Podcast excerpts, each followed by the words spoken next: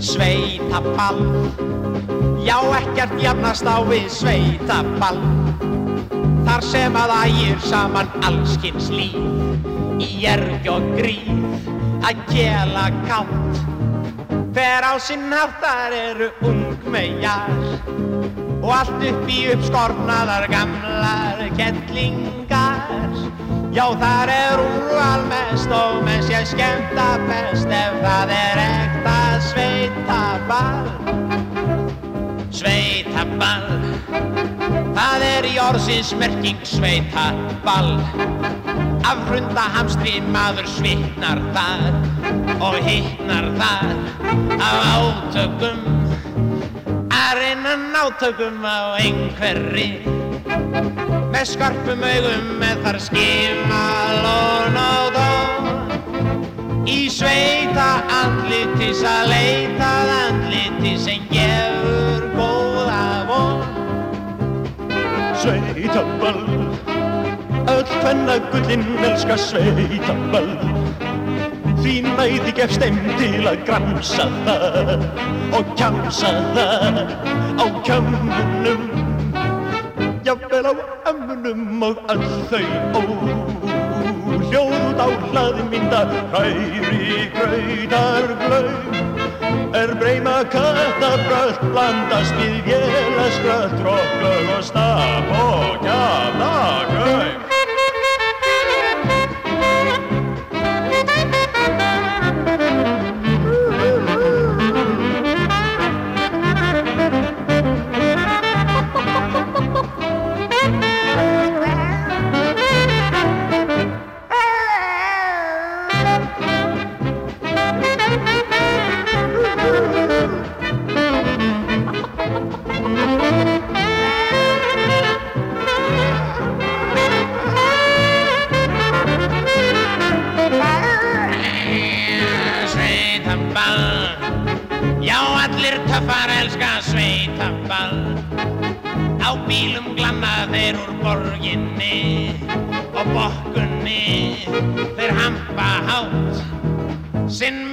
máttir sína meginum.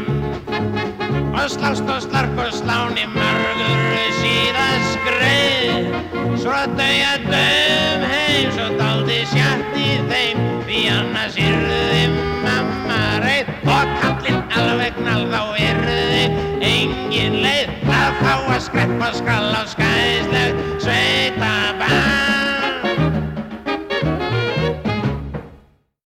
Sveitaball syngur Rómar Ragnarsson á Rástöðu þetta lögatiskvöldið. Ég heiti Mattias Már, gestur minn í kvöld er rítuðundurinn Einar Kárásson. Velkomin. Já, takk fyrir það. Hvernig hefur það í dag? Ég hef alveg stórfínt. Er það ekki? Jú, jú. Jú, þetta er ekki hérna rítuðundar í desember, er þetta ekki bara svona eins og að vera tóra sjómaður? Nei, nei, það er hérna, það er uh, daldið um svona uh, umstangi kringum uh, útgáfu, en ég er nú orðin svona frekar, uh, svona fann að velja hvað, hvað ég nenn að gera í því, sko, hvað er að viti í. Já, já, já, Annars hefur maður alltaf nóga verkefnum. Þetta er svona, su- sumt að þessu finnst mann að vera svolítið svona tímasóun, sko. maður ætti að vera að gera eitthvað að viti. Já, nákvæmlega.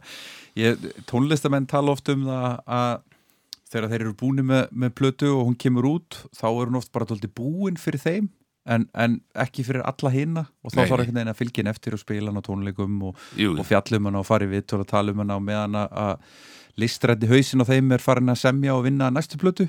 já, já. Er þetta sama hjá reytvöndum? Ég geti trúa því sko Já. en hérna eh, það er að vísu sko ofta alveg þræl gaman að náttúrulega að hitta fólk og, og, og lesa upp og, og svona heyra viðbröð og, og kjafta við fólk Einmitt. En eh, sko við getum held ég ekkert sagt tónlistamenn og rithöfundar með til dæmis kvikmyndagerðamenn Já, kvikmyndarleikstjóri eru búin með mynd þá geta að reikna með að vera næstu 2-3 ár bara á flakkið um heiminn að, hérna, að uh, fylgin eftir einmitt. og ég held að það eru nú svona leiðigjant Já, já. en þú skrifar á hverju degi? Það er misjamt sko, ég Já. skrifa alltaf þegar ég er með eitthvað tilbúð í hausnum til þess að sitja á blað Já, já, já. Nákvæmlega. og, og þetta er svona ekki, en mm, maður er alltaf, ég er alltaf að búa eitthvað til sko, Já. það er, það er eina sem ég kann. Herðu, 20, 20 spurningar, 20 lög Já, Þú ert búin að afgreða þetta með bráfur já, já, við byrjum hérna á sveitaballi Já, með Ómari. þú vildi byrja þessu Já, já, þetta er svona, þetta er, eh, ég fór að hugsa, hva, hvað er svona byrjunin? Þetta er líklega fyrstu svona uppáhaldslögi mín, það voru lögin hans Ómars. Já, já, já. Og uh, ég var svona 5-6 ára eitthvað svo leiðist þegar að hann er að slá í gegn. Og uh, ég, hérna, ég lærði utan að alla textana. Já, og gatt sungi þetta. Já. Botni og ást, ást, ást og, og, og sveitaball og, Hann var reysa og mér stjarnar á þessum tíma já, já, hann var, var rosalega sko, Já. náttúrulega var hann hann var fyndin og skemmti kraftur og, og, og, og, og uh, svo uh, ég bjóð að vera alast upp í útlýðinni og um, svo var lögð hýtavita í göttuna og það þurfti að, að hérna, bora í klappir til að sprengja á svona fyrir skurðum. Mhm. og hann var einn af bormönnunum. Ha? Já, já, hann var bara í sumavinni, ég held að hann hafi verið þá í mentaskóla eða háskóla eða eitthvað. Og uh, ég stóð bara og horfði á þetta veraldar undur sko, og bara vissi ekkert merkilegra en að vera í námynda við hennan mikla snilling. Já, hérna, þetta vissi ég ekki. En ef við höldum okkur í, í æskunni og svona fyrsta lagi sem þú mannst eftir að hafa hlustað á aftur og aftur. Já, sko, ég er náttúrulega kannski aðeins eh, já, ég var, ég var bara krakki þegar að sko bítla tíminn byrjar. Já, þú ert alveg sko, ég er hérna 63-4 er í svona 8 ára sko. Emitt og, um, og þetta var náttúrulega rosalega bylting og allir svakalega uppteknaði þessu. Ég átti tvær eldri systur sem voru gísilega miklar svona bítla mikli bítla aðdandi, ég fór að heyra þetta í gegnum þær.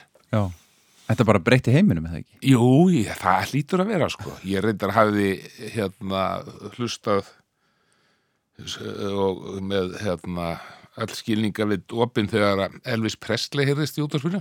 Já, mann sést þetta eftir læginu One Night, ég er bara alveg rökk við en hérna en uh, sko þegar þetta, þetta byrjar að uh, þá skiptust menn aldrei svona í lið og ég fór mjög fljótt í stónsliðið já, og, uh, og til dæmis í við vorum bara tveir í bekknum minnum í, í, í 9, 10, 11 og 12 ára bekk sem voru sko harðir stónsarar já, já, já.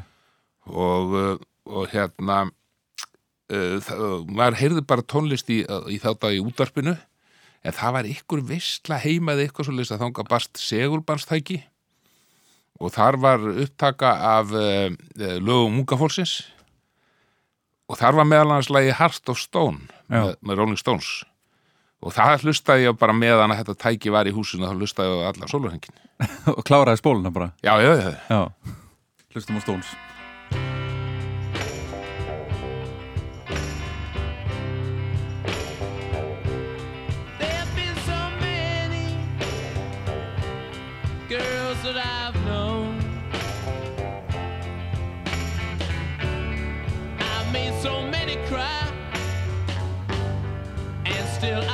wonder why. Here comes a little girl. I see her walking down the street.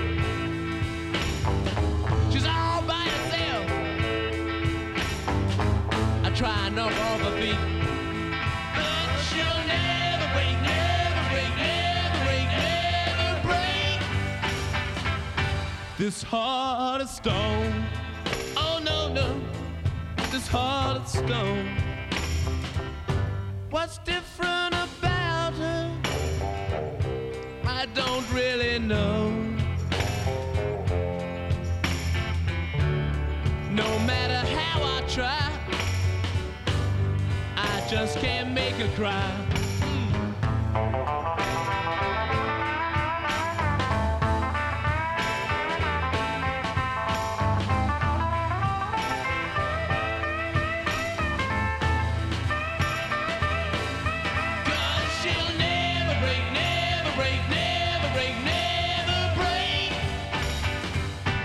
This heart of stone. Oh no, no, no, this heart of stone.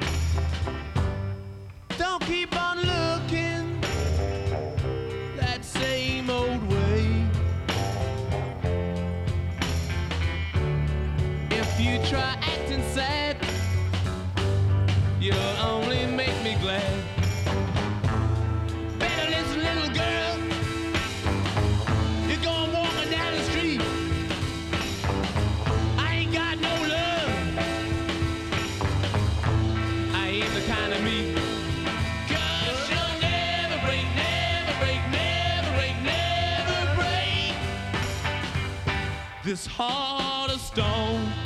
Oh no, no, you'll never break this heart of stone, darling. No, no, this heart of stone. You'll never break it, darling. You won't break this heart of stone. Oh no, no, no. You better go. You better go. Þetta er mjög svall lag einar Já, já. Það er eitur svall sko Þeir voru svo svalir, sko. Já, Og eru jafnvel enn.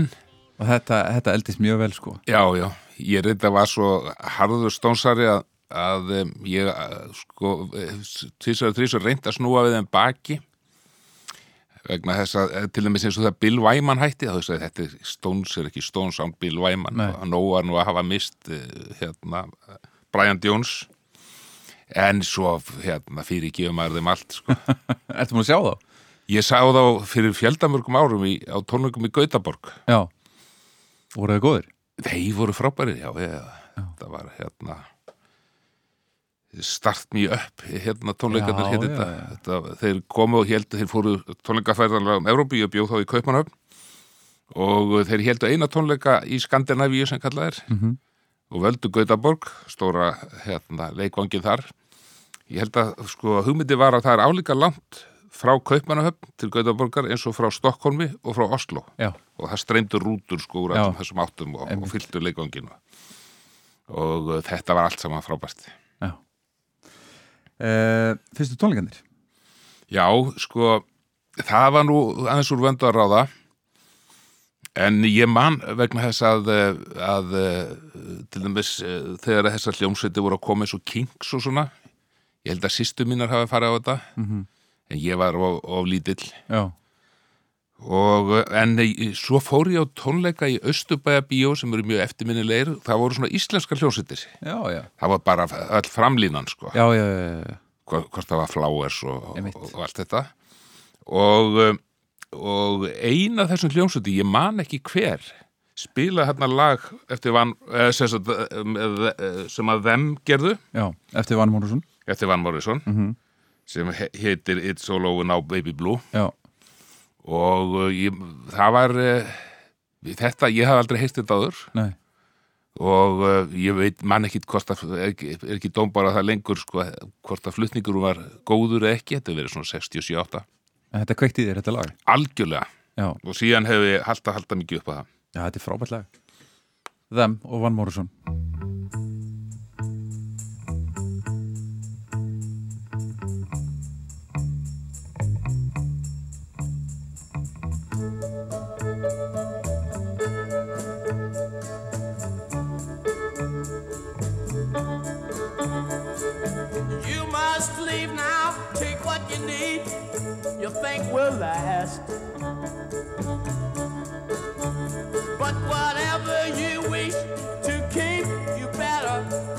fast. Yonder stands your orphan with his gun.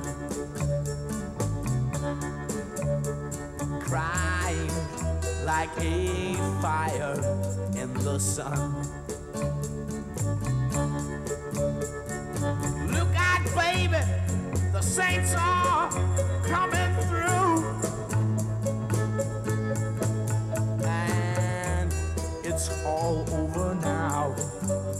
baby blue. The highway is for gamblers. Better use your sense. Take what you have gathered from coincidence. The empty-handed painter from your streets drawing crazy patterns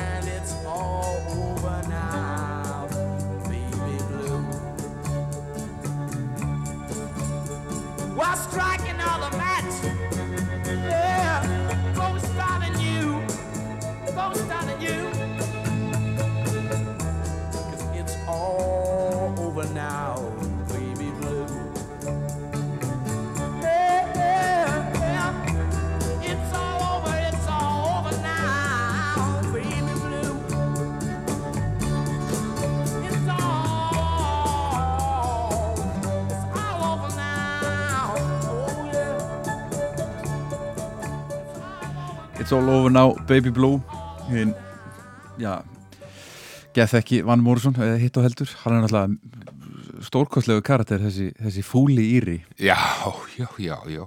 Það er eitthvað við Íra sem er eh, alveg frábært. já, Þeir náttúrulega eru, þeir eru sko snillingar, eh, fyrir alla breyðla segjar, eru þeir snillingarnir í, í tónlist og bókmyndum. já, allir bestu svona ensku mælandi höfundarnir síðustu þrjá fjóra aldir, þetta er allt íra meira minna Írar sko. hvað er það? sama í músikinu líka?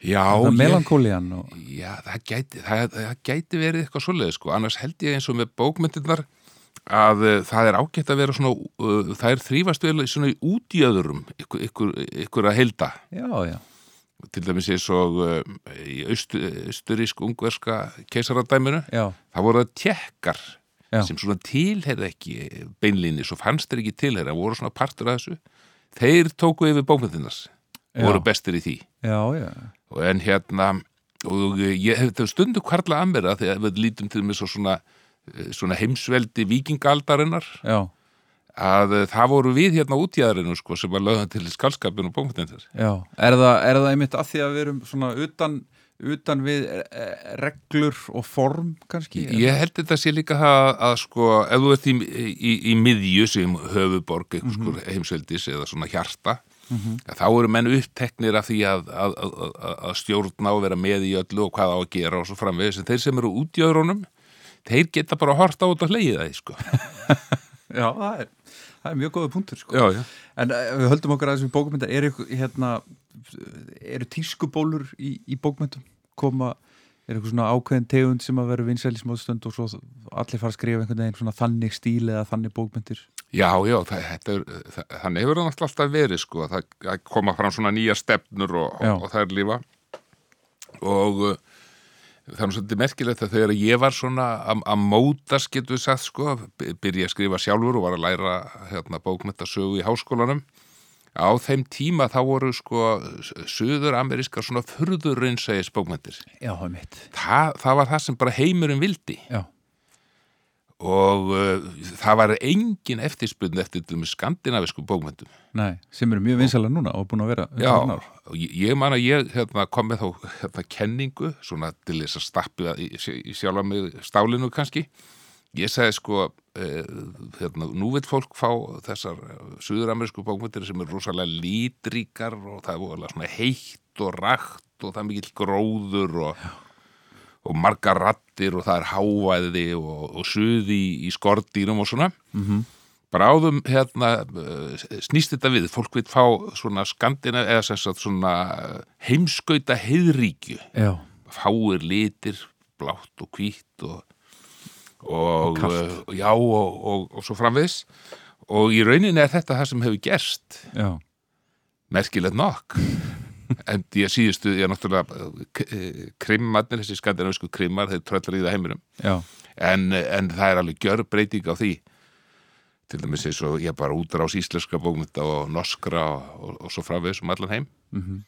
hefur verið mjög mikil síðust áratí já og ég held bara að þetta sé það getur vel verið að þetta er eftir að hérna, breytast aftur.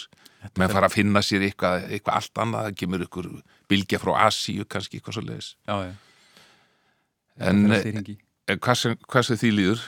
Þá ætlum við að að fara heim í, í, í æskuna. Hvar, hvar ólst upp, Einar? ég ólst upp í, í hlíðunum. Já. ég er nú búið í hlíðunum mest alla mín ævi. Mhm.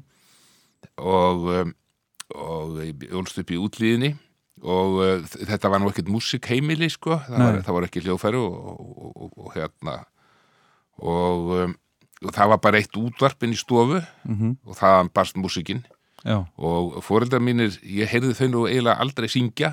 Nei, en hins vegar var það svoleiðis að hérna, ef að pappi var í dunda við eitthvað, var í góðu skapi þá fór hann alltaf að syngja lag sem ég hafði aldrei heyrt. Já, þá söng hann alltaf When you are alone any all night and you're feeling out of tune. Ég lærði þetta bara á honum.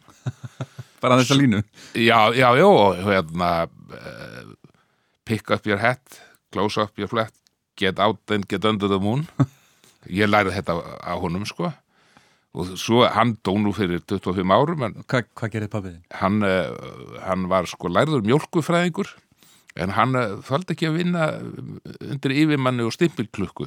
Svo leiðis að hann uh, fór fyrst að harka á leigubíl Já, og svo gerist það bara leigubílstur hann hafi verið mikið bílstur og kyrst alls konar trukka, mjölkubíla og, Já, og rútur og olíubíla og svona. Já, og um, ég, svo bara googlaði ég hennar texta ég hugsa, var þetta til? Þá kom ég á sjálfsög þetta var lag frá 20 og eitthvað. Allir búin að syngja þetta? Já, já, allir búin að syngja þetta Ég eh, valdi útgáfi með Nat King Cole Já, já, ég held að sé, hún sé klassík. Er það ekki? Jú, jú.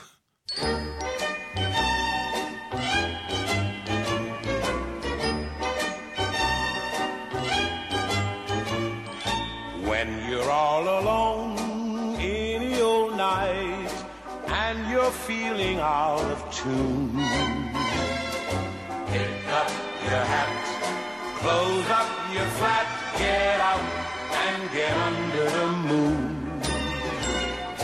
Underneath the bright silvery light, you'll be feeling better soon. Pick up your hat, close up your flat, get out and get under the moon. Look, look, look at the stars above. Look, look, look at those sweet as love. Oh boy, now give me a night in June. I really mean it. All you gotta do any old night when you're feeling out of tune. Uh, Pick up your hat, close up your flat, get out and get under the moon.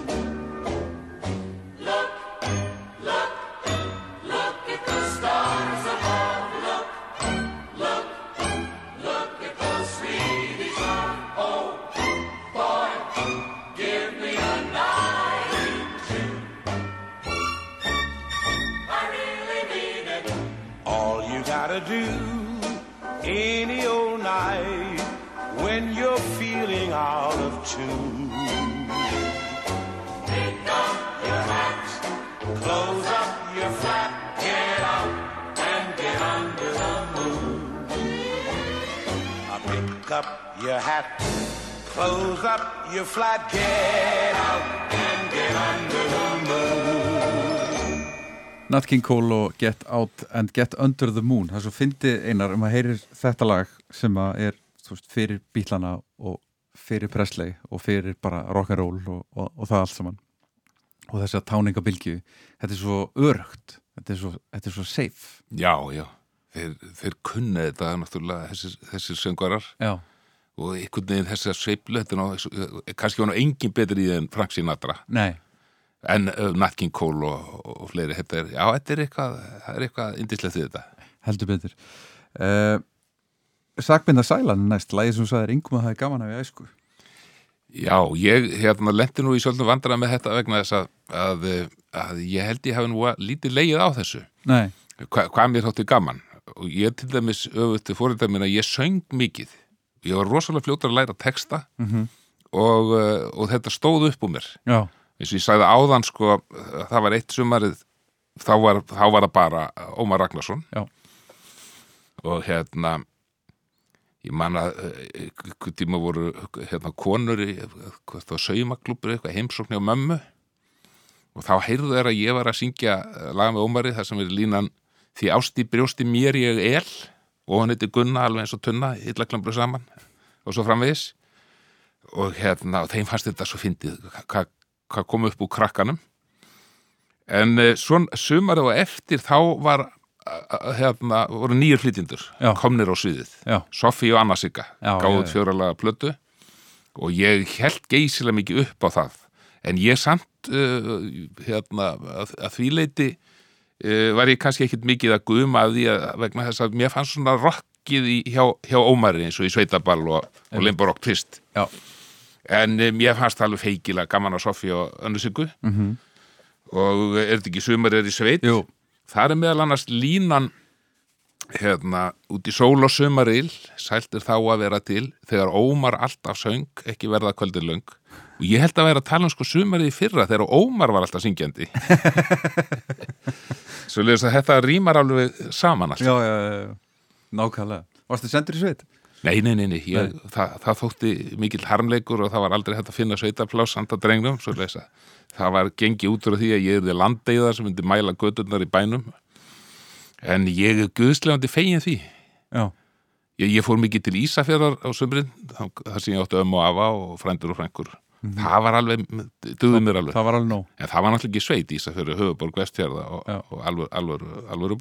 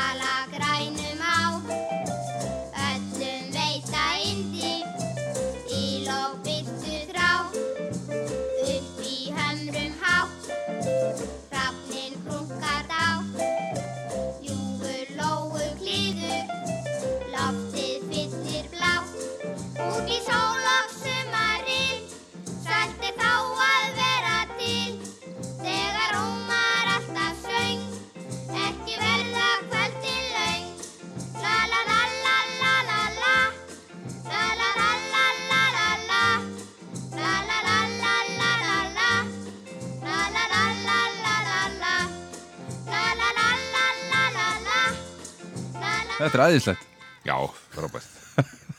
Alveg stórkostlegt.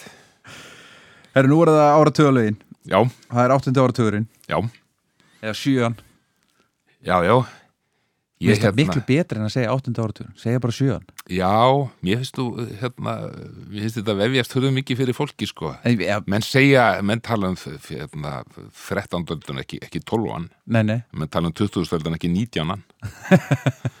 en, en hvað sem því líður að, eh, að eh, ég, eh, já, sko, þegar kemur á sjönd, á, á hérna, 8. áratugin áttunda ára tíin að það er að þvíleiti auðveldara sko, það hefur verið svo rosalega erfitt að velja sko úr áratugum undan Já.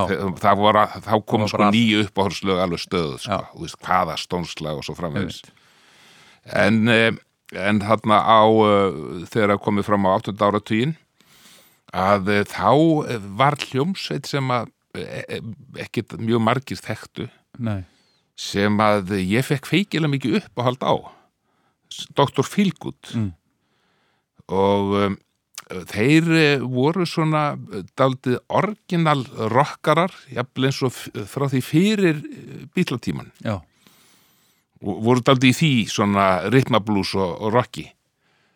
Og, um, og með feikilega góðan uh, ritmagítarleikara Vilko Johnson sem er ennþá til. Mhm. og, og hérna já, ég þetta hérna gæti spila alveg endalust já, þú vilja hérna She Does It Right. Já, þetta er nú eitt frægasta lagið þeirra sko.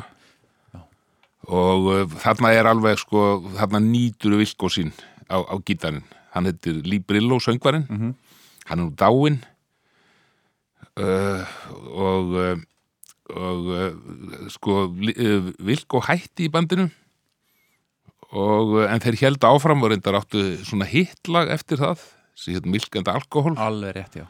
En, eh, en eh, sko bandið eins og var meðan að Vilko var í því Já, sko, svo, svo fór hann í einhvern solokarriér en það háð honum að þó hann sé frábær gítarleikar þá gæti hann ekki sungið ég sá hann meðal svo tónleikum í, Kaupmaröfn ég held að hann farið saman á þá ég og Einar Már Gummusson vinnu minn og eh, og hann tók meðal hans þetta fræga lag sem hann samdi í þessu drætt en þá saknaði maður Lee Brillo söngvar hans Dr.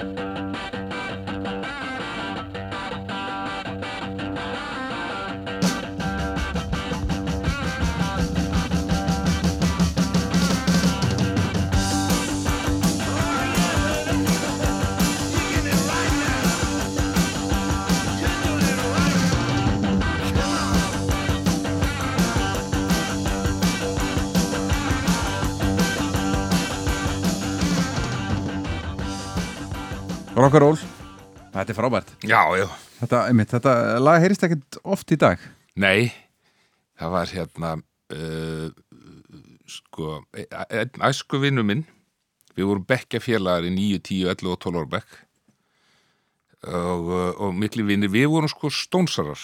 Já. vorum þeir einu í bekknum, hann er Þóraðan Óskar og heitir og hérna og vorum geysilega uppteknir að þessu. Þóttust jafnvel vera hérna, að stofna hljómsveit og svona við kynum ekkit og getum ekkit teiknum mikið að myndum á okkur þá vorum við sko, sem hérna, Bill og Charlie eitthvað svo leis og um, svo var reyndar annað áhugamál sem vottu samveilegt að við hérna, það var endalaus og tömlaus og síkild aðdáðan á, á Lorðil og Hardy eða Guð og Gokk eins og voru já, og kunnum þá utan að. Já. og um, svo skildu leiðir eins og, eins og gerist hjá svona krökkum, hann var fluttur í vestur í bæ, ég flutti austur í háaletskverfi og bara sikkuð að hérna fórum hverju svona sína leiðina. En svo hittustu eiginlega fyrir tilviljun út í Danmörku uh, 12 12-13 ára setna Já, já, og smullum strax saman. Já, strax konur í stónskýrin og byrjar að vitna í Laurel og Hardy. Og við uppgötum um það leiti Dr. Já, og, eh, og söfnuðum öllu sem til var, öllum blötunum og, og, eh, og, fórum á tónleika sem voru í bóði og svona með þeim. Og svo lesa við áttum þetta daldið svona við, já oft held ég að við þótt hálf leiðilegir sko, til dæmis í partíum og svona, það mátti ekki Já, svo mátti ekkit spila nema Stones og Dr. Feelgood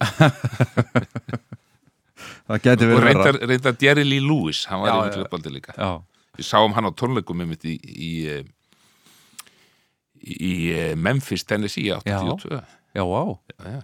hann er ekki góður? Hann var fínn, hann var reyndar svolítið slappur hann hafði, hafði sprungi í honum mægin sem kallaður fyrir á orðinu hann, hann var búin að léttast um ykkur 20 kíló. Já, en þetta var stórkostlegt, þetta voru gamli meistarar Carl Perkins og hann komið hver á Já. fættur öðrum. Hvernig var Memphis í bandaríkjörnum 82 og þetta var uh, mikil upplifun. Við vorum dálítið í svona pílagrinsferð sko. Já, og skoðum Sun Record stúdíóið þar sem þetta byrjaði mikið þessu. Já, og fórum svo út í eh, tókum strætó út í Greisland þetta var Elvis Presley Boulevard. Já, þetta var fimm árum eftir að kallin dó og það var, eh, sko við höfum lesið að þetta væri ætti að opna þetta sagt fyrir almenningi já, en það var ekki búið að gera maður bara að fara inn í gardinu ekki að skoða húsið já, en þetta var mjög eftirminnilegt vegna þess að þetta var á, á, á vordegi í mæ miklum hita og þarna voru konur sem voru konar langt að bandarískar konur svona mið, miðeldra bandarískar konur sem voru konar langt að í stórrósóttum kjólum svona, svona, svona svitablettum í hitanum og þær voru að, að jagast í verði að þeir voru svo sárar yfir að fá ekki að koma inn í húsið. Já, já, og hérna og sögðust hafa komið um langan veg. Og einn ein þeirra sagði mér hefur alltaf langað til að sjá baðherbyggi þar sem hann dó. Og ég ákvaði að leggja þeim lið þessum konum og sagði við, sagði við verðin því mér síndist eins og hann væri að hugsa um já, já, leiðum við bara að fara inn á ætlum við að fara líka. Svo þessi ég sagði við verðin hérna að ég, ég hérna, hafi, ég sé komin allar leið frá Íslandi til að skoða þetta hús. Já, Og þá leit einu konan á mig mjög neykstuð og sagði from Iceland, that's nothing. I came all the way from Wyoming.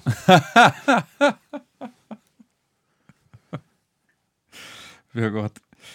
Herru, uh, þá var það nýjönda ártugurinn Já, ég er svona uh, ákvaða að vera kannski ekki með með svona það sem allir voru að hlusta á mest, sko. En ég man þegar ég heyrði í fyrsta sinni, ég satt í leigubíl uh, í, í Þýskalandi og í útvarpinu var lag sem ég sagði, hvað, hrikalega er þetta flott. Og ég þekkti þá ekki, eh, þekkti ekki flytjandan og það ekkert fylst með honum, þó að hann, þetta hafi verið frægur músikant.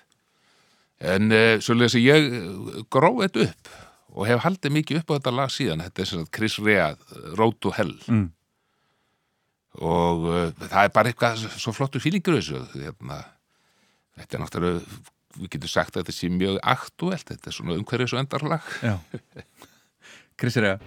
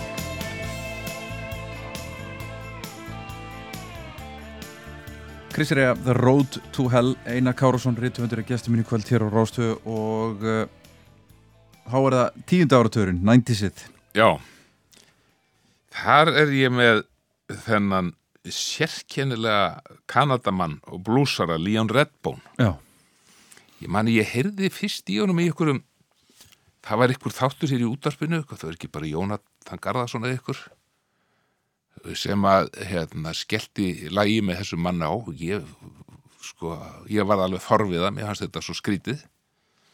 Og svo fór ég að, að svona rannsakan og kaupa plötur með honum. Og hann, eh, hann, er, hann er alveg frábær, Leon, Leon Redbone. Hann svona hljómar eins og eins og já Suðuríkja blúsari frá 1950 eitthvað svo leis og hefur daldið þann stíl en, eh, en þetta var nú bara hvítur kanadamaður og uh, sérskynlegan klæðabur og, og, og en eh, þessa, þessa fínu tilfinningu, ég held að hann hafi dáið í fyrra. Mm. það er, menn geta síðan ef menn fara á YouTube, þá er hægt að sjá tónleika upptökur með honum og svona, þetta var sérskynlegun náungi. Og og ég, hérna, ég keifti þessa plötu með þessu lægi þá var það nýjútkomið þannig að það er að liti svindla að halda því fram að þetta sé hérna, tíund áratugurinn því að það var árið e, 2000 já, já, já. út í, út í Berlín. Hins vegar hafa náttúrulega búin að semja þetta fyrir aldamót sko. Þetta gengur alveg. Og þetta er sem sagt The Dixie Stars Suðuríkja stjörnundar nákvæmlega. Leon Redbone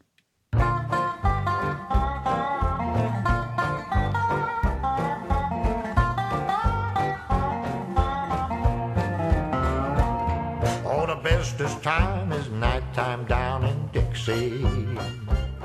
Cause then I take my banjo on my arm. Make my way to a little old log cabin. Through the cotton fields to the one who's full of charm. When stars play peekaboo, I'll serenade my Lou.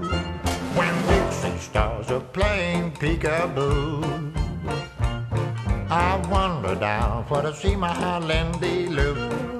Oh, oh, oh, Miss Owl starts hooting, bullfrogs commence to tooting, pretty fireflies they light up my way. I can hear the bob white whistle in the wide world. Turtle doves so gently going too. That loving land of cotton, everything but love's forgotten. When Dixie stars are playing peekaboo.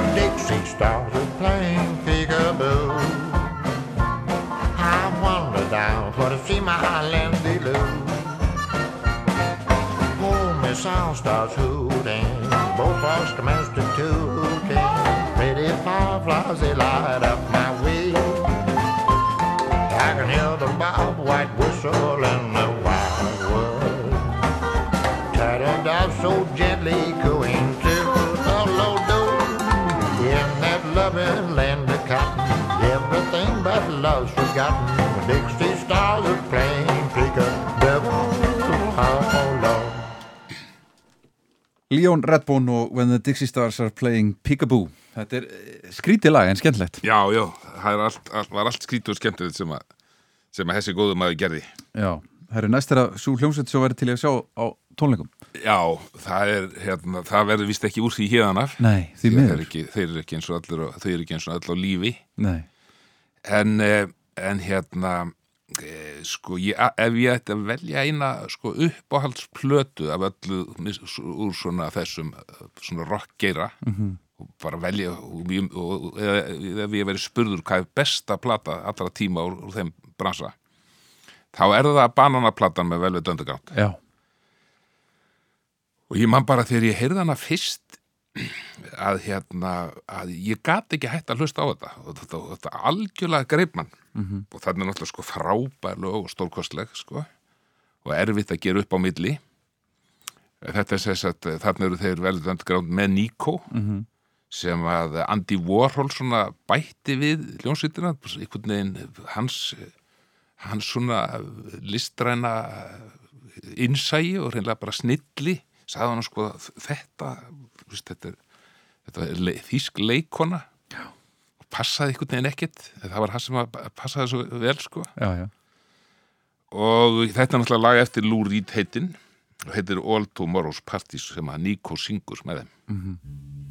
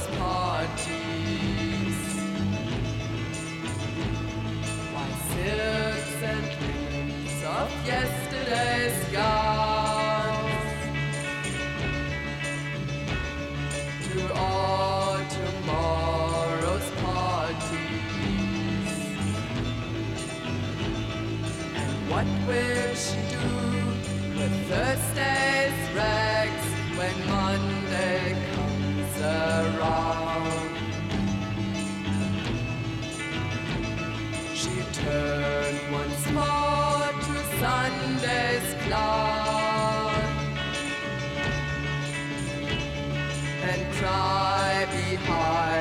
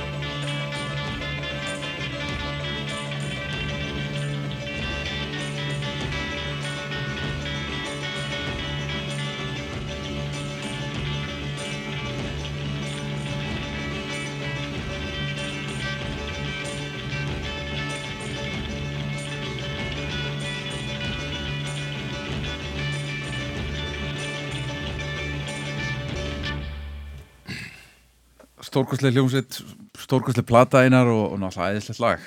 Já, já, já. En þetta er ekki, sko Þetta er ekki erfi, þetta er ekki auðveld músík, sko. Nei, já, hún, ég man bara því ég heyrði þetta fyrst, það byrjaði hérna á, á Sunday morning og svo kom I'm waiting for the man. Eða mitt.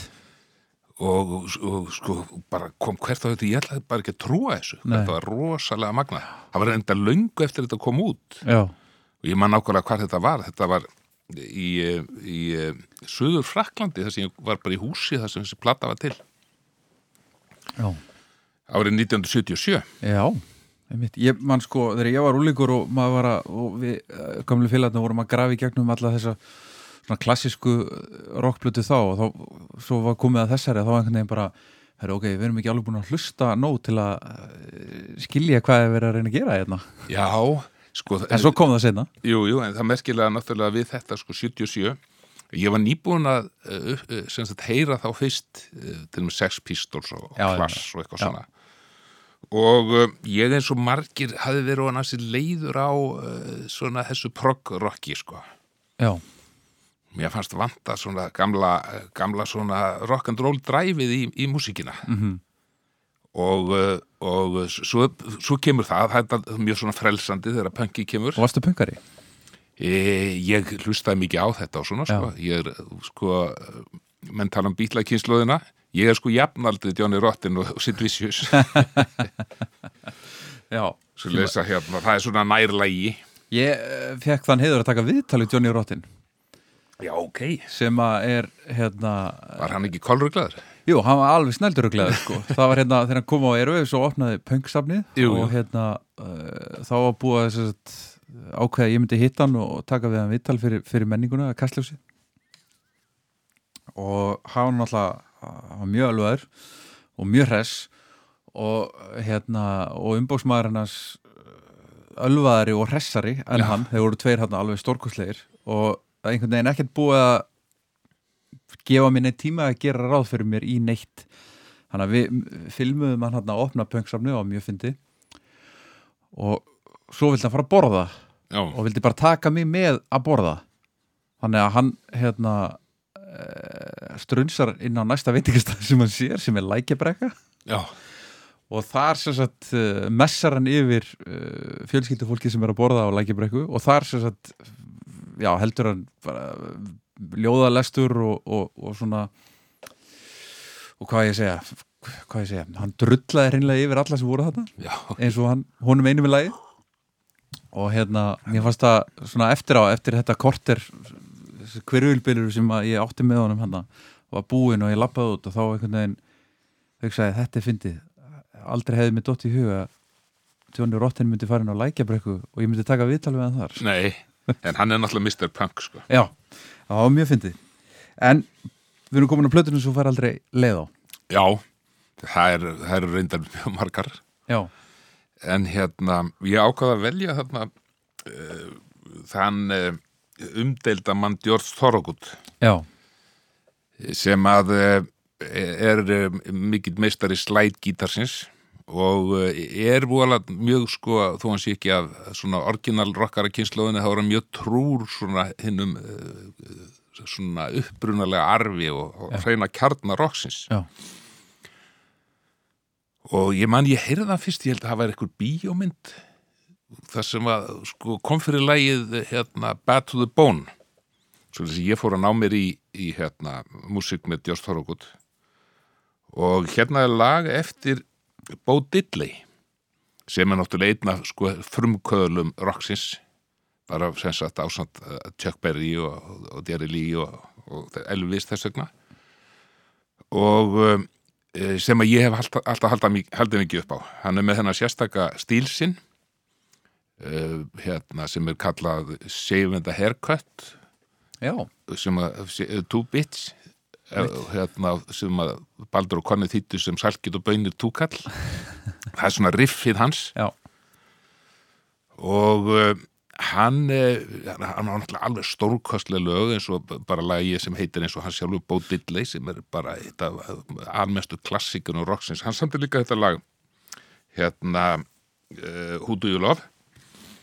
Og hann kom og spilaði tónleikum í Kaupmann því ég bjóð þar í gráuhöllinni í Kristjaníu. Já, já, og við fórum hann nokkri vinir. Já. og, uh, og stóðum bara út á gólfi þetta var ekkit mjög fjölmennt. Hann var með frábært band með sig sem heit Alexis Harvey band, ég held að það hefði verið veilsarar Já. sko, og hérna og var algjörlega frábær. Svo, svo þegar það tók hlið þá fórum við tveir og tókum við hendina á honum. Hann var mjög ánægð með það. Það ekki? Jú, jú, ætti þarna vissuðu bara hérna, þetta verður stórkostlur heiður að fá að hitta hann. Og George Thorogood uh, túlkar þetta lag frábæla Who do you love?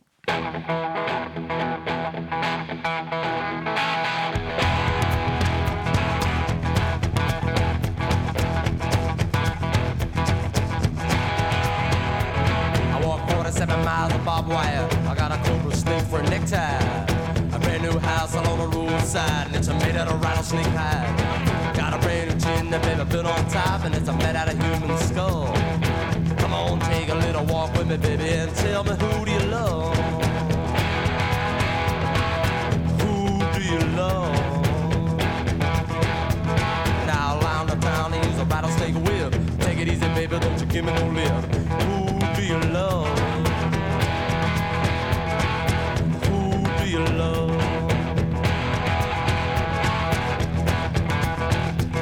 I got a tombstone hand, a graveyard mind. I'm just 22 and I don't mind dying.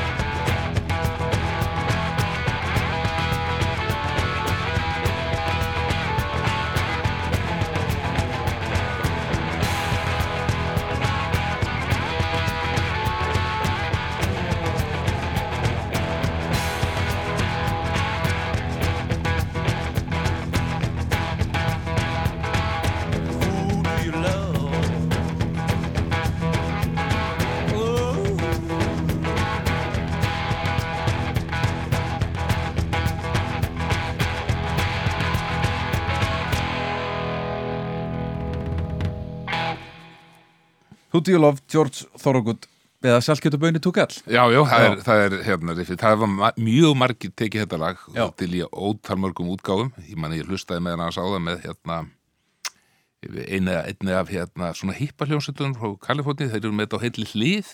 Já, já. Ég stólu í út það Quicksilver Messenger Service. Já, en eh, mér, sko, George Thorogood sem er svona hvítur íþróttamaður og, og því, svona, hann þykir ekki alveg svona passin í ímyndina sko fyrir, Nei, nei. fyrir þessa músík en hann, mér finnst að gera þetta algjörlega frábælega Já. Það eru fyrsta blata sem þú kiftið þér. Já ég, Sko ég fermdist 69 og og uh, fekk meðal annars plötuspílara og, og, og, eitthvað peningum eins og gengur og gerist og fyrir hérna peningana kefti ég meðal annars tvær plötur sem kom út það ár Já. sem að ég hlustað á alveg gjörsalega í tætlur og, og kunnuð þarna báður og kann enn og um, það var sem sagt uh, uh, hérna Let It Bleed með Stones og Abbey Road sem var nýjútkomin Já. Bítlana Og núna í dag, hvor finnst þér nú betri? sko hérna e, sko Let It Bleed er nú ekki besta plata Stones sko. En, en Abbey Road er besta plata Bítlana finnst mér sko. Já. og það er svolítið merkilegt að eh, þeir voru náttúrulega búin að komnir í algjöra krísu, þeir voru búin að taka upp þessa plötu sem að hérna, sem heitir Let It Be sem var ekki komin út. Ég held meðal annars vegna þess að hún hafa búið tilgjörun að það heita Get Back. En svo fattaði hérna John Lennon hva, út á hvað það lag gekk. Það var það að, að hérna það byrjar á línunni Jojo was a man who thought he was a loner. Hann samdi þetta um Yoko Ono sem var að gera þá hérna alveg gjössalega vittlösa þeir höfðu alltaf sko notið sín svo vel í stúdíóið, þar var svona kameratskapurinn. En nú var allt í hennu hún komin satt þarna inn á millið þeirra, fylgdist með og, og, og ég vil örgla verið svona glotta einhverjum eða þess að þau fúla brandara og svona sko, eða hrista hausinn. Og þá samdi hann þetta lag. Svo hérna ákvaðu þeir að gera þó, þó þetta sé ekki síðasta blada sem kom út þá er þetta síðasta sem þeir gera saman, farin í stúdíó bara eins og í gamla daga og án þess að vera með hana. Og út kom þessi þetta, þessi stórkostlega plata. Ég hef heyrt að þeir hafi sko hugsað sér að hún ætti að vera öll svona eins og, eins og medley. Já. það er að segja sko að, að hérna, það væri ekki bílumilli laga heldur tengdist þetta og það sem ég, mér langar til að spila er sem sagt að af bjelliðinni þar sem að Jón Múli kallaði Abbey Road svítuna hann spilaði þetta stundum í morgunútarpinu og held mikið upp á þetta og þarna, þarna er sem sagt þetta konsept og þetta finnst mér vera besti partur plötunar Já.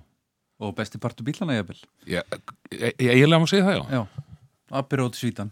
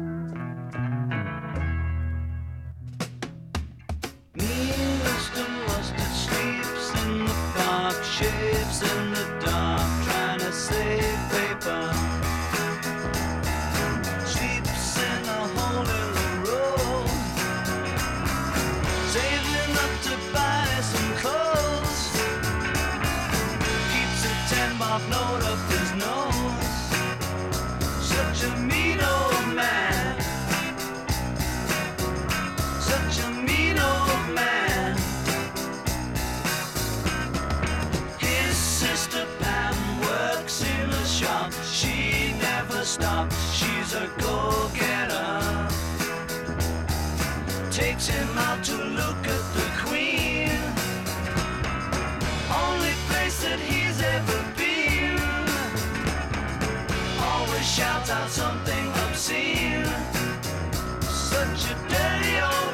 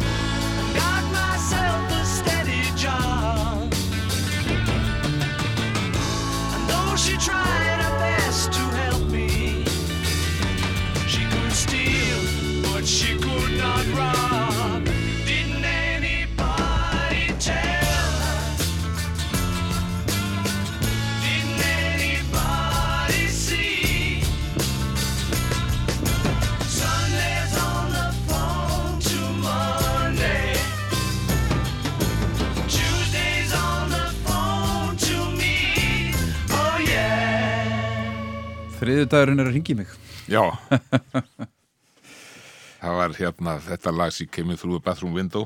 Já, að ég mann þegar hann hætti hérna lauruglustjórin vegna ósættis við, við hérna dómsmálaráþurann, það var þetta, Stefán. Já, Stefán Eiríksson. Hann er þá- nú komið í þennan þátt. þá, þá vitnaði hann í þetta lag. Já, á, á, á alveg stórkostlegan hátt í með þetta er bara eitthvað mest svona briljant tilvitun við svona tilefni sem maður hefur séð Það var, já, það var, það var hérna listalega vel gert hjá hann. Þetta er hann, Stefán, mikill bílamæður Já, ok. Það eru kvikmyndatónlistin? Já, það er náttúrulega til mikið af henni. Já, og, og, og margt frábært. En uh, náttúrulega sumt er uh, sumt, að, fínast er náttúrulega sko eins og symfóníur sko. Já. og það náttúrulega kom í hugan sko spaketti vestrætnir og svona. Mhm. en ég ákvað bara að taka svona eh, gott ægulega sem ég man hvað ég fór á hérna, mynd fyrir fjöldamörgum ára sem heit Paint Your Wagon. Ég held ég að vera í mentaskóla já, við fórum hérna nokkri strákar úr bekknum. Og þar er þetta lag sem að Lee Marvin sem er nokkið sérstakur söngvari syngur á stórkostlegan hátt eða fer með. Mhm.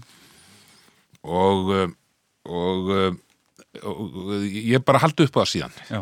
Þetta er Wandering Star Wandering Star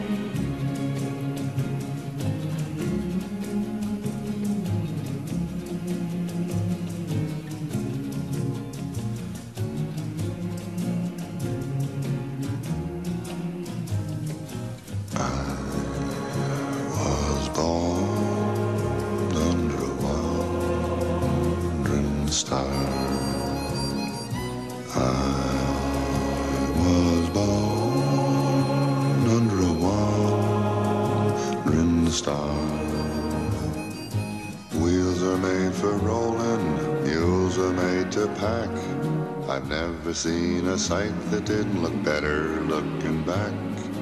I was born under a wandering star. Mud can make you prisoner and the plains can bake you dry. Snow can burn your eyes, but only people make you cry. Home is made for coming from, for dreams of going to, which with any luck will never come true.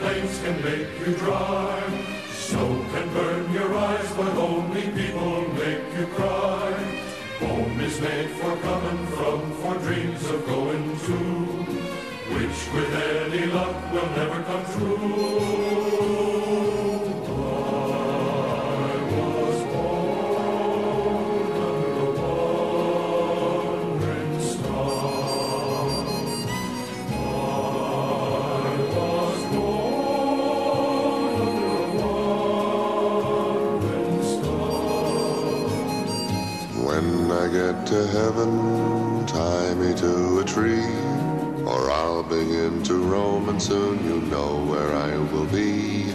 I was born under a wandering star,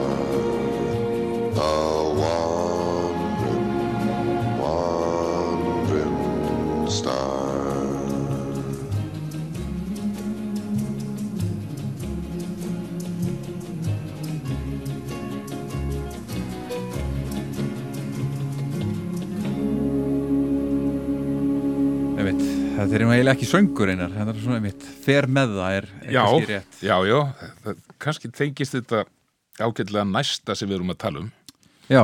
vegna þess að þú, þú uh, fólst mér að, að finna lægið Ég- sem, sem fekk mér til að byrja að læra á hljóðfæri eða, Eða syngja, já. já. Ég hef aldrei lært á hljóðfæri Nei. að En þú söngst mikið Já, ég náttúrulega, já, en eh, sko að hérna þegar þú segir f- að læra hljóðfæri eða syngja sko, þá er, þá er það kannski meira svona opinbert. Já. Og ég held að, að, að hérna, ef ég hefði átt að velja lag í, til þess, þá hefði ég náttúrulega til að setja þessi útgáfa Lee Marvin af Wandering Star. Þetta er eiginlega ekki söngur, sko. Nei. Hann svona fer með þetta. Já. Og uh, svo lendi ég einu sinni í því að, að þetta var í boði á Ísafyrði Mhm. Í Edinborgarhúsinu sem var mjög skemmtilegt. Við vorum þar eh, hérna, nokkur ykkur skaldfuglar á sunnan. Og þar á meðal voru, voru mjög góðir söngmenn Já. sem hafðu verið í kórum og svona. Og þeir svona tóku svona númer Já. til heiðus geskjófunum sungu, sungu lög. Það stóð bara upp á mig. Ég var einn eftir. Og uh, ég ákvaða að fara með, með lag sem að ég gæti eiginlega flutt svona meir eins og ljóð Já, já, já.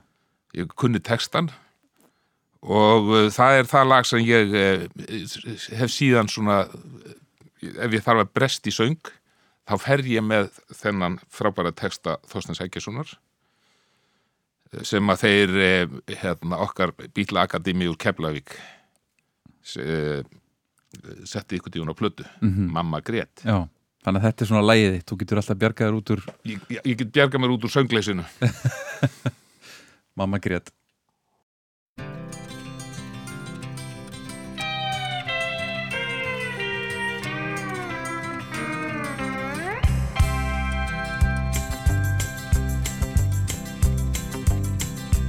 Fyrsta sem að ég man eftir var er pelanum ég slefti Það var erfitt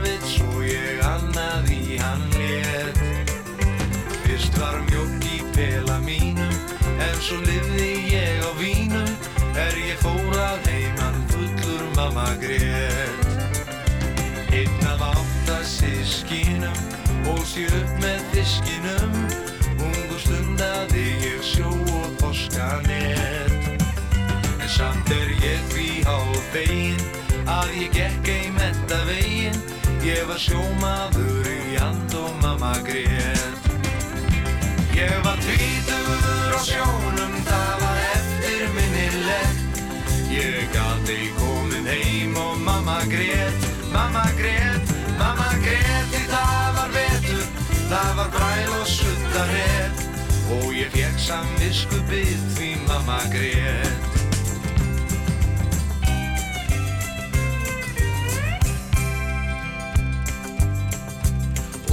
pappi gamli dó. Var ég stattur út á sjó Litlu sískinni mín mistu alla von. Einu sálu mína gaf Og ég vandist víni af. Mamma vissi að hún átti tröstan son. Ég var þrítur á sjónum Yngsta systir mín tók bró Ég fór heim og sló um beisló Mamma grét Mamma grét af yngi tárum Eftir ótal erfið ár.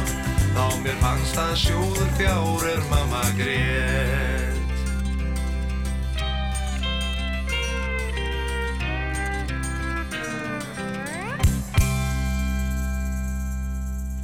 Mamma Grét, Lonely Blue Boys og við einar vorum að tala um textagerð Þorstein sem var, var heyrir alltaf textana hans alveg um leið. Já, já, já, já, hann, hérna, hann, hann hefur, hefur sitt vörumerki og, og, og, eins og það er svona rím í, í læginu eins og til dæmis einn af átta sískinum ólst ég upp með fiskinum. Já. að þetta gerir enginn nema hann. Nei, nákvæmlega. Herru uppáhalds íslenska lagið þitt? Já, þau eru náttúrulega ótal mörg og úr, úr, úr, úr mörg og miklu að velja Mhm. og uh, sko ég hefði nú getað að byrja þess vegna á Ómar Ragnarsinni eða Hauki Mortens eða, Mhm. eða Sofía Önnu Siggu og svo framvegis Mhm. Raggi Bjarna, ég hef verið aðdáðandi hans frá því ég bara mann man eftir mér og er enn en uh, ég ákvaða að velja sko ég, ef ég væri spyrðu sko, hvað er besta svona rock og roll lagið íslenska fyrr og síðar Já. þá myndi ég taka þetta lag með uh, Sigur Mólunum og mér er það ég, það er nú svona uh, sko, áður en að Sigur Mólunum voru stofnað þá var svona kjarnin uh, í hljómsettinni, í hljómsettinni heit Kukl. Mhm. og um, ég var uh, 84-5 þá tók ég stundu viðtöl fyrir Mokkan, svolítið svona stór viðtöl fyrir Helgablaða Mokkans eða Sundagsblaði og ég tók meðal hans viðtal við þau í Kukli. Já, já. þau hérna Einar Örd sem þá var í nám í, í, í London var komið til landsins og þau hittust öll og ég var þar bara og, og satt og, og með þeim inn í stofu og eiginlega þau voru að tala saman. Ég svona puntaðinni og gerði svona portrétt svo buðuðu mér á tónleika og ég- ég var mjög spenntur fyrir þessu. Svo vissi ég að kukli var ekki lengur til það var komin ný hljónsett sér til Sigurmálarnir og svo man ég eftir því að að uh, ég var að horfa á í sjónvarpinu sjálfsagt í um, nálægt áramótum. Það voru ykkur skonar uppgjör. Það var verið að velja bestu eh, hérna uh, tónlistar myndböndin Já. sem var þá og uh, og uh, þetta var svona mjög, mjög mis áhugavert en skyndilega koma hérna sigurmólarnir þeir voru í hvað tíunda sæti eitthvað svo leis og þetta var myndband sem að Freyrik Þórvinu minn hafi gert fyrir engan pening þau áttu engan pening og það var engin peningar á bakvið þetta og það, þetta var bara svona, svona videokollas og ég bara vissi ekki hvaðan á mig stóð veður þetta var svo flott lag og, og, og, og magna og glæsilegt og eh, þetta er náttúrulega þeirra það sem gerði þau heimsfræg Mhm. lagið Ammæli Mhm. og um, þetta er náttúrulega mjög sérkennilegt lag eiginlega daldi óhugnalegt ef maður fer að rýna í textan Mhm. En uh, við skulum hlusta það. Þetta er, uh, segi ég bara besta íslenska rocklæð Heyr, heyr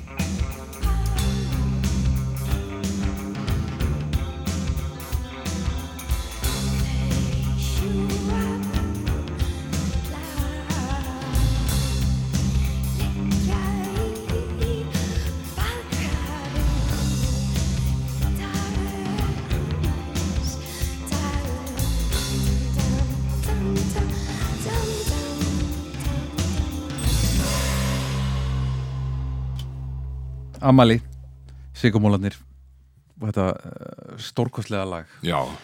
Við spilum aldrei birthday, sko, við spilum bara Amali Já, já, já, en hérna, það komir ekkit á óvart þegar ég frétti að, að breytar að vera að falla í stafi yfir þessu, sko. Já, Og það hefði nú verið gert marga tilrunni til þess að, að, að slá í gegn með íslenska tónlist, sko, Mhm. í, í, í, í Breitlandi.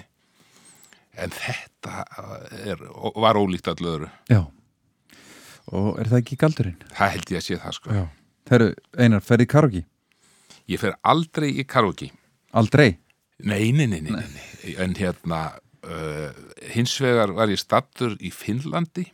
Já, þeir elska karaoke Þeir elska karaoke. Það er karaoke á hverju einasta hotni í Já, Helsingi já. Og þetta var, þetta, þetta getur verið 15-20 ár síðan, hafa komið ykkur bók eftir mig. Já. Og ég var hérna með uh, útgefendum mínum og, og, og þýðanda og Mhm. við erum kominir inn á karaoke bar. Já, sem er annað hver bar. Já, og það er hérna, menn fara í karaoke eða eitthvað að syngja og það kvarla nú ekki að mér að, að, að gera það. Þangað til allt einu er bara komið pressa á mig sko. Ég, gat- ég var bara þessu félagskýtur að, að taka ekki þátt í þessu. Svo að ég fór og settist við, við græjuna og að skoða hvaða lög væru þarna. Og ég ákvað að taka lag sem ég, mig grunaði engin annar hefði tekið en lag sem ég held mikið upp á þetta er, eins og ég segi sko þegar að svona með punk og nýbylgjan kemur 77-8 Já. að e, þá kom mikið af músík sem, að, sem að ég var mjög hrifin af. Meðan annars kefti ég hérna kefti ég plötur frá, frá útgáðu fyrirtækinu Stiff og þar var meðan annars Jan Djúri og þetta lag held ég mikið upp á Hit Me With Your Rhythm Stick. Þessi ég ákvað að taka þetta. Þetta er, hérna, þetta er ekki gott eh, eh, þetta er ekki svona þægilegt í söng. Nei. Nat King Cole, þetta er ekki svona Nat King Cole stílinn þetta er mikið háað á hróp. Enda ég held að það hefði helmingurinn af fólkinu flúið út meðan ég var að flytja þetta lag á karaoke-barnum. Þú hefur komið því hjá frá þér? Ég kom því frá mér, textin var þarna fyrir fram, fyrir utan að ég kunni hann úr fyrir sko. já, já. Þannig að En við tökum Jan Djúri Hit Me With Your Rhythm Stick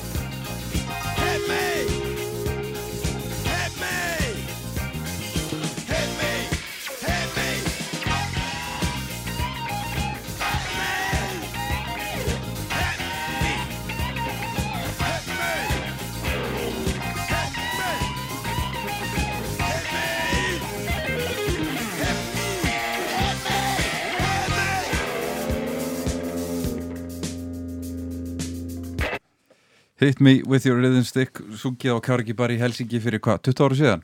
Já, allir þessi ekki sirka það? Já. Helsingi er skemmtileg borg. Já, já, já, hún er þræl finn Já. Og finnar eru uh, Finnar er alveg fe- geysilega skemmtilegt fólk. Já. og hérna og gaman að skemmta sér með þeim. Getur verið, getur verið líjandi. Nei, það, það ég kann vel við þinna þe- þeir, þeim finnst þögnin góð. Já, já. Þeir kunna þeia Algjörlega, þetta er, þetta er stórmerkilegt fólk og, og, og, og, og frábært. Já. Herrið ferðalögin, einar? Já. E, það, svona það sem maður hlustar á að ferðalögum ég sé fyrir mig þegar maður er að keira svona langferðir Mhm. það er nú hérna ég er lítið e, svona móten í tækninni. Já. þannig að ég er sko með geislaspilara í bílnum þess að ég er bara með, þú veist, diska. Hrúa diskum. Hrúa diskum. Já, er það ekki fínt og mér finnst rosalega gott að, að eh, vera með svona eitthvað, eitthvað svona ekki, ekki mjög aggressíft. Nei. á langkyslu en, en góðir textar. Já. og ég held að, að það sé ekki hægt að ímynda sér neitt lag sem að nær þessu betur heldur en eh, af eh, Dylan-plötunni sem ég held feiknalega mikið upp á sem að heitir eh, Time Out of Mind Já. og þetta er lagið It's Not Dark Yet Ertu, ertu mikill dillan maður? Já, já, já, já. Fyrst það stórkostlegur. Ég man að ymmit fyrir 20 árum eitthvað svo leis. Þá var ég að jagast við kollega mína skandinaviska úr bókmyndaheiminum. Já. Vegna þess að þá hafði komið svo hugmynd að hann ætti að fá Nobelsvölun í bókmyndum. Já. Og það fannst öllum einhvern veginn í, í svona skandinaviska bókmyndabransan og þetta algjörlega fárálegt. Mm. En ég saði þetta er bara, ég saði það er engin betur að þessu komin Nei. og, og hjælt mjög fram þessu málstað Mm.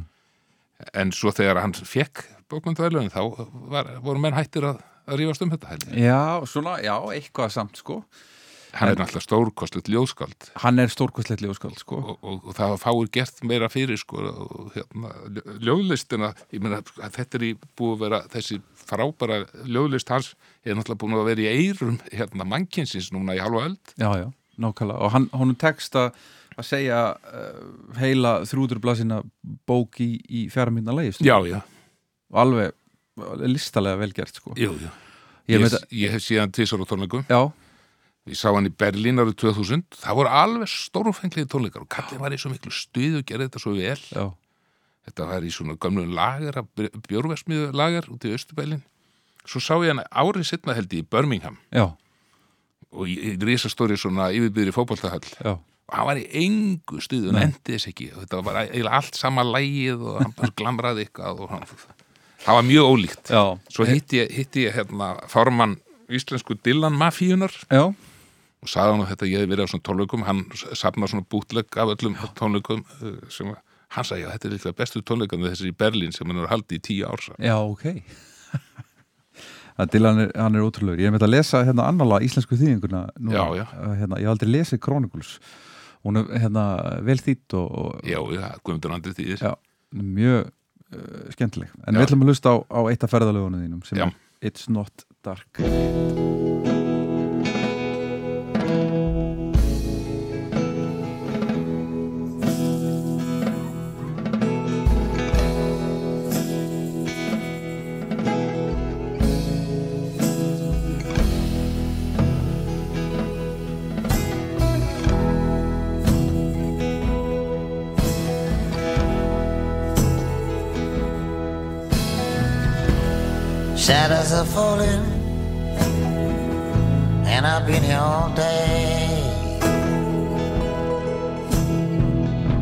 Too hot to sleep,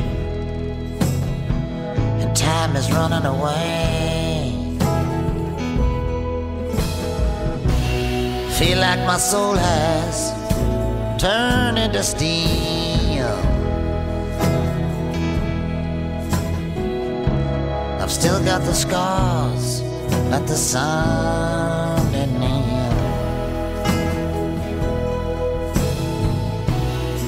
There's not even room enough to be anywhere. It's not dark yet, but it's getting there.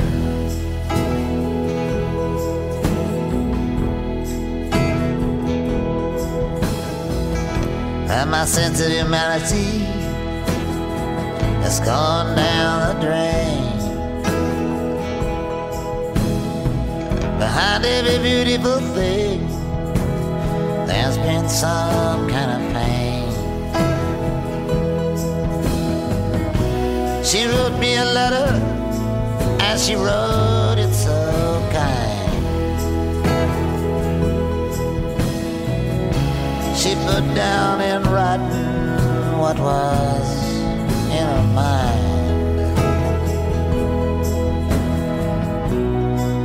I just don't see why I should even care. It's not dark yet, but it's getting there.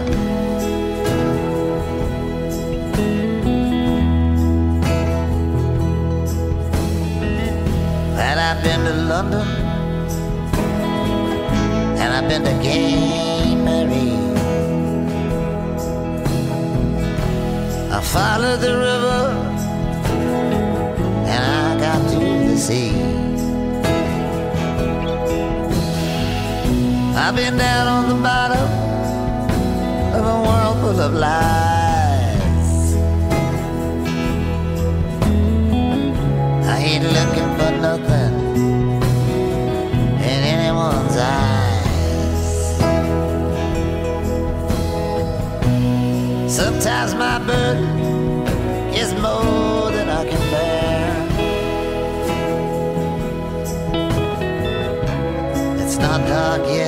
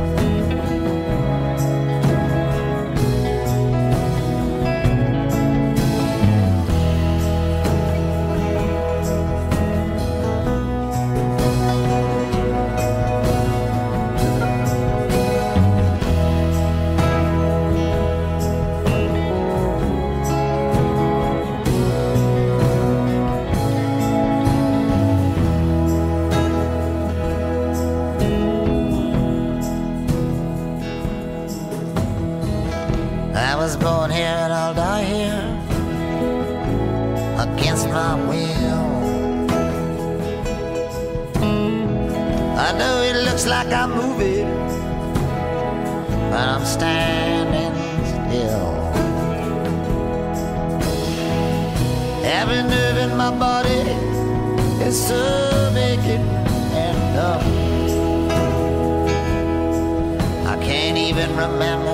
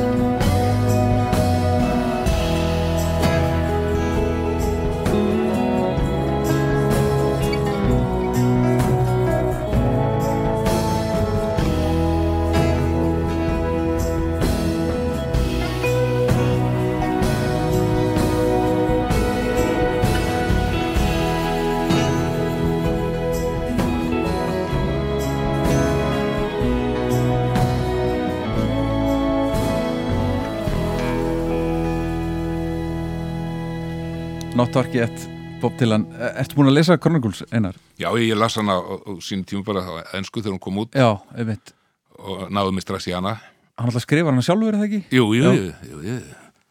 Hann er svo, að- það sem að eh, ég er ekki búin með hann sko, en það sem að mér finnst svo uh, skemmtilegt við hann að maður svona kiffæra aðeins að kynna stónum eða að maður heldur hann er svo arrogant.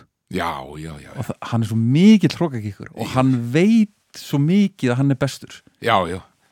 Ég man að ég sá í, hérna, í kvikmyndaklub mentaskólana sem að Friðrik Þórveinu minn eh, rak og stjórnaði að það var, það var eh, heimildamind um Dylan. Þetta var áður en ég fór eitthvað að hlusta á hann. Já. Þetta sjást verið, þetta var, hann var að koma til Bretlands 60 og eitthvað og ég bara, ma að maður rökk í kút maður alltaf síðan hann eins rokakík hann var Já. að gera lítið úr öllum og, og pakka mönnum saman og, og svona. En, eh, en hérna en, svo bara sé maður, ja, sumir eru svona sko. Já, en hann, hann einhvern veginn hefur alltaf þú veist, mátt það. Já, já, hann kemst, kemst upp með Hann- fjandan hann, náttúrulega, e, e, hann er eins og margt gott fólk stór undalegur Já.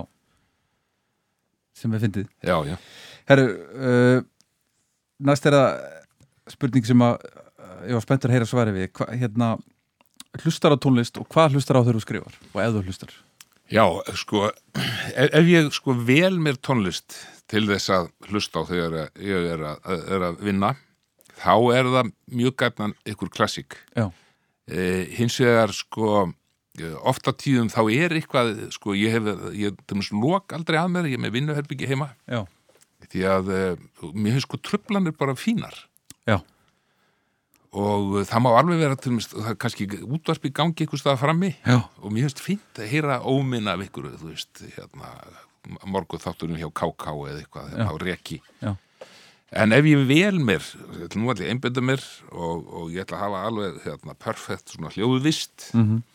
að þá setja ég eitthvað ykkur að klassík, það er sígilda tónlist Já, já, já. og, uh, og uh, núna til dæmis og það er ekkit langt síðan þá sett ég uh, hérna plötuna hans Víkings Heiðars það sem að spila Bach sem er mjög stórkostið listaverk ekki, ekki síður og platan sem að geða áður hérna, Philip Glass Mhm.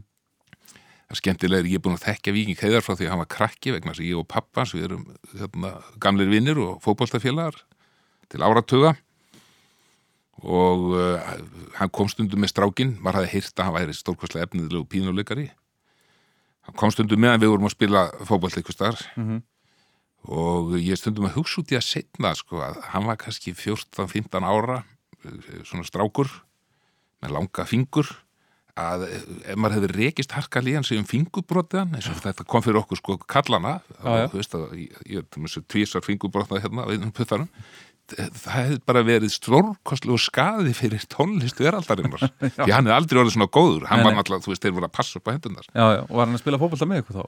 já, já, já, já, já, og hérna og hef, hefur alltaf verið stórkostluður hérna, ljúlingur ég, svo fór hann ég vissi það sko fóreldarnas þeir, það var mikið, mikið press á þau hann færi til útlanda til að læra hjá okkur meisturum bara strax. Þeir vildi ekki að færi og snemma. Þú veist, óharnaður únlingur en 18 ára þá fór hann á Juilliard Já.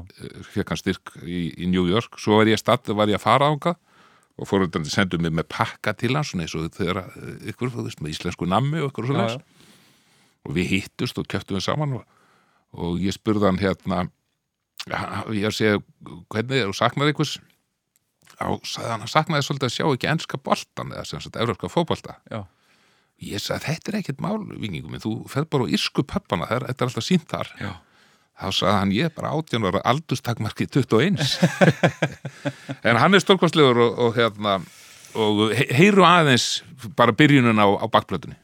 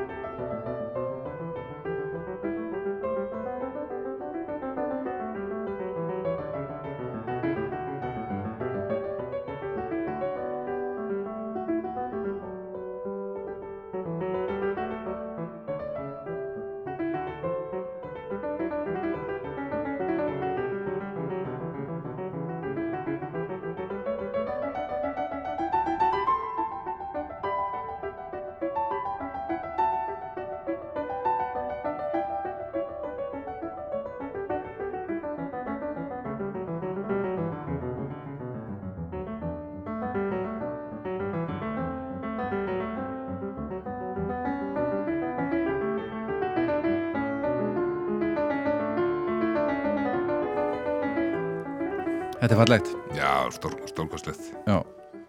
Og svo er náttúrulega, hittast tveir snillíkar, sko, Jóhann Sebastian og, og Víkingur. Mhm. Það getur ekki klikkað. Herru, nú er það jólalagi, nú, nú hérna, snýi upp á hendina þér og Já. kem einu jólalagi að hérna. Já, ég, hérna, e, mér finnst það aldrei sorglegt með þessi jólalög, það er sér jólapoppið. Sko, ég, ég, ég fæ aldrei leið á, á þessum svona klassísku jólasálmum og svona, sko.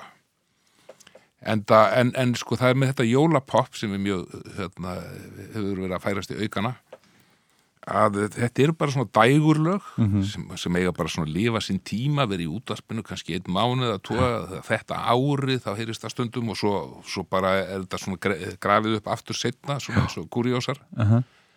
en, en sömu einföldu poplögin með, með hérna e,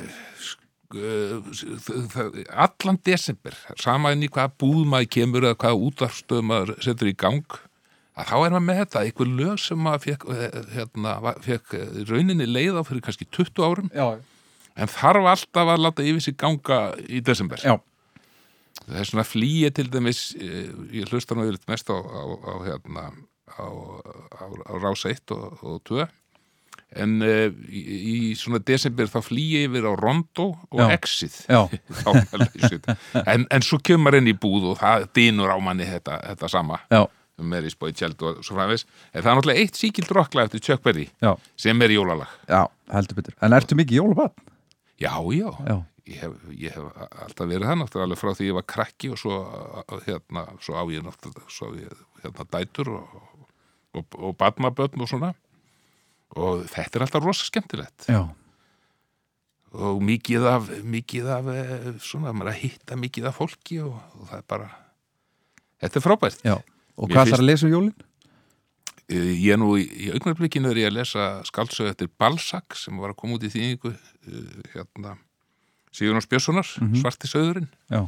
ég, hérna, ég er mikill aðdáðandi Balzac sem að var reynda stóru 19. aldar höfundunum en hafiði verið mjög lítið þýttur á íslensku Já, já. en Sigurjón er að bjarga þýtaldið og koma með nokkur hans líkil verkum Mhm. en svo mun ég lesa svona hans er rekur á fjörum mínar spenntur að komast í ímislegt eins og hérna, smásöðnar að skýrðis og svo er ég búin að lesa sumt sko, af þessu nýju bókum Já. Og góðar? já, já, já, ég skemmti með konunglættum sem Dóra DNA Já. Hann er að fá góða dóma? já, já, já, Hann, hann er svona hann, hann notar svona dalti uppistans e, sko, æfinguna Já. þannig að það, það er svo mikið af svona litlum atriðum, það er eitthvað nefnt og svo koma svona nokkri brandarar og, og, og það er bara mjög skemmtilegt Já. En við ætlum að hlusta á Chuck Berry. Já. Gítargóðið og Rönn Rudolf.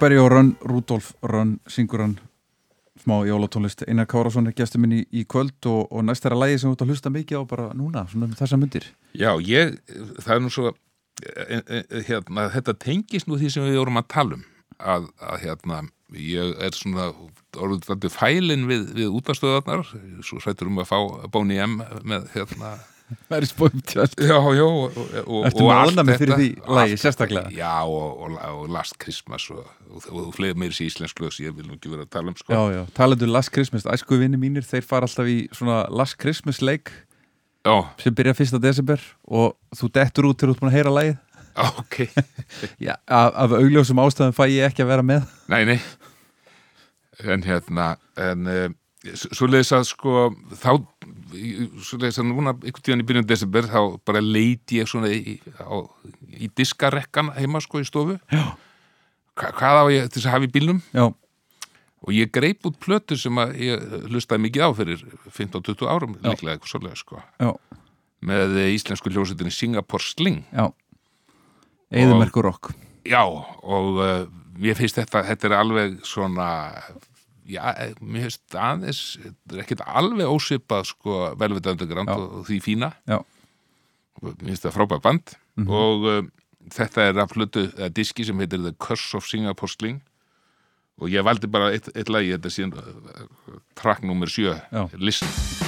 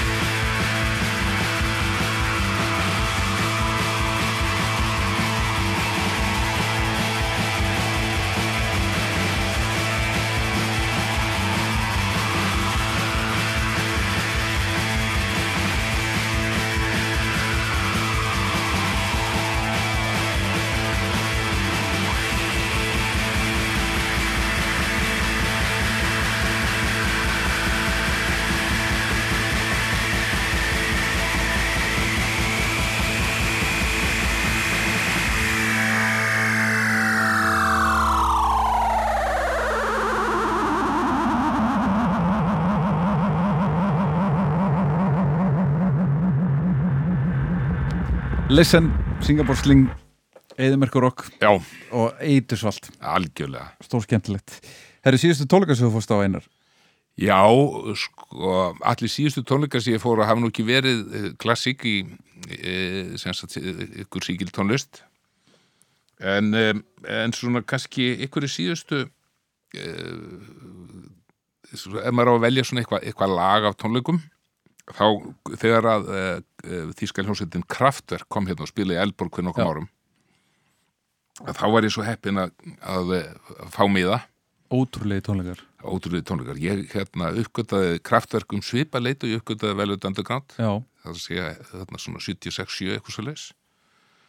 Og varð strax sakalega hrifin. Ég var mjög undrand á því. Ég, hérna, mér fannst þetta að vera mér, mér fannst einhvern veginn þetta ekki, ekki vera hægt.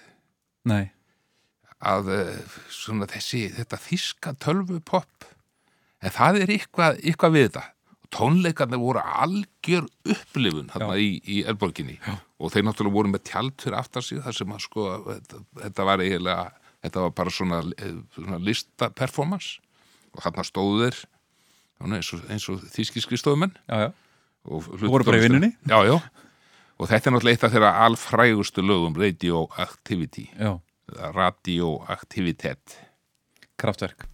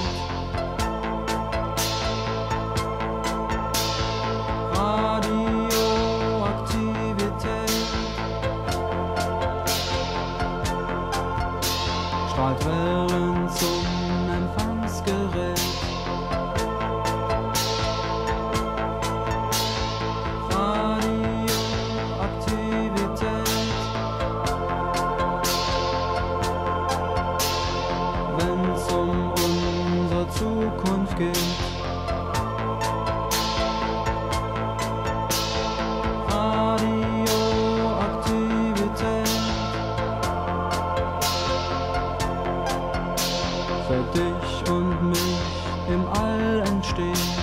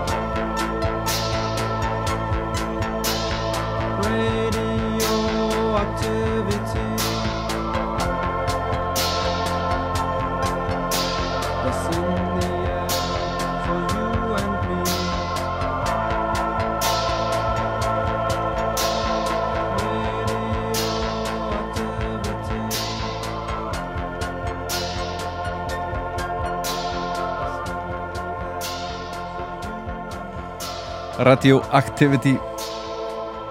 Einn stórkostlega ljósitt kraftverk. Herrið Einar Kárasson, takk kjærlega fyrir að vera gestur minn í kvöld. Við erum búnir. Já. Það er bara eitt lag eftir. Jú, jú.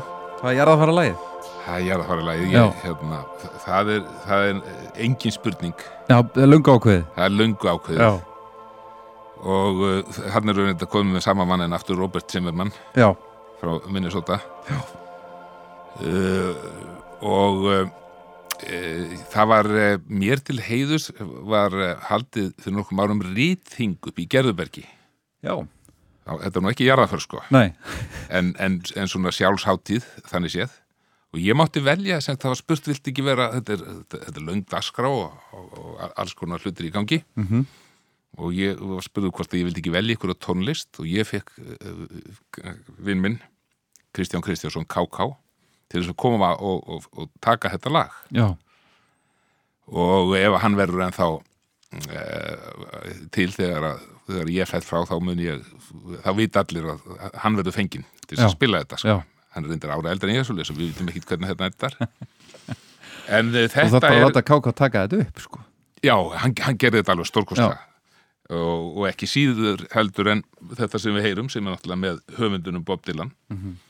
og þetta er lagið Forever Young sem að mér finnst að allir eigi að vera Heyr, heyr, Bob Dylan, Forever Young Takk fyrir að vera gestur minn einar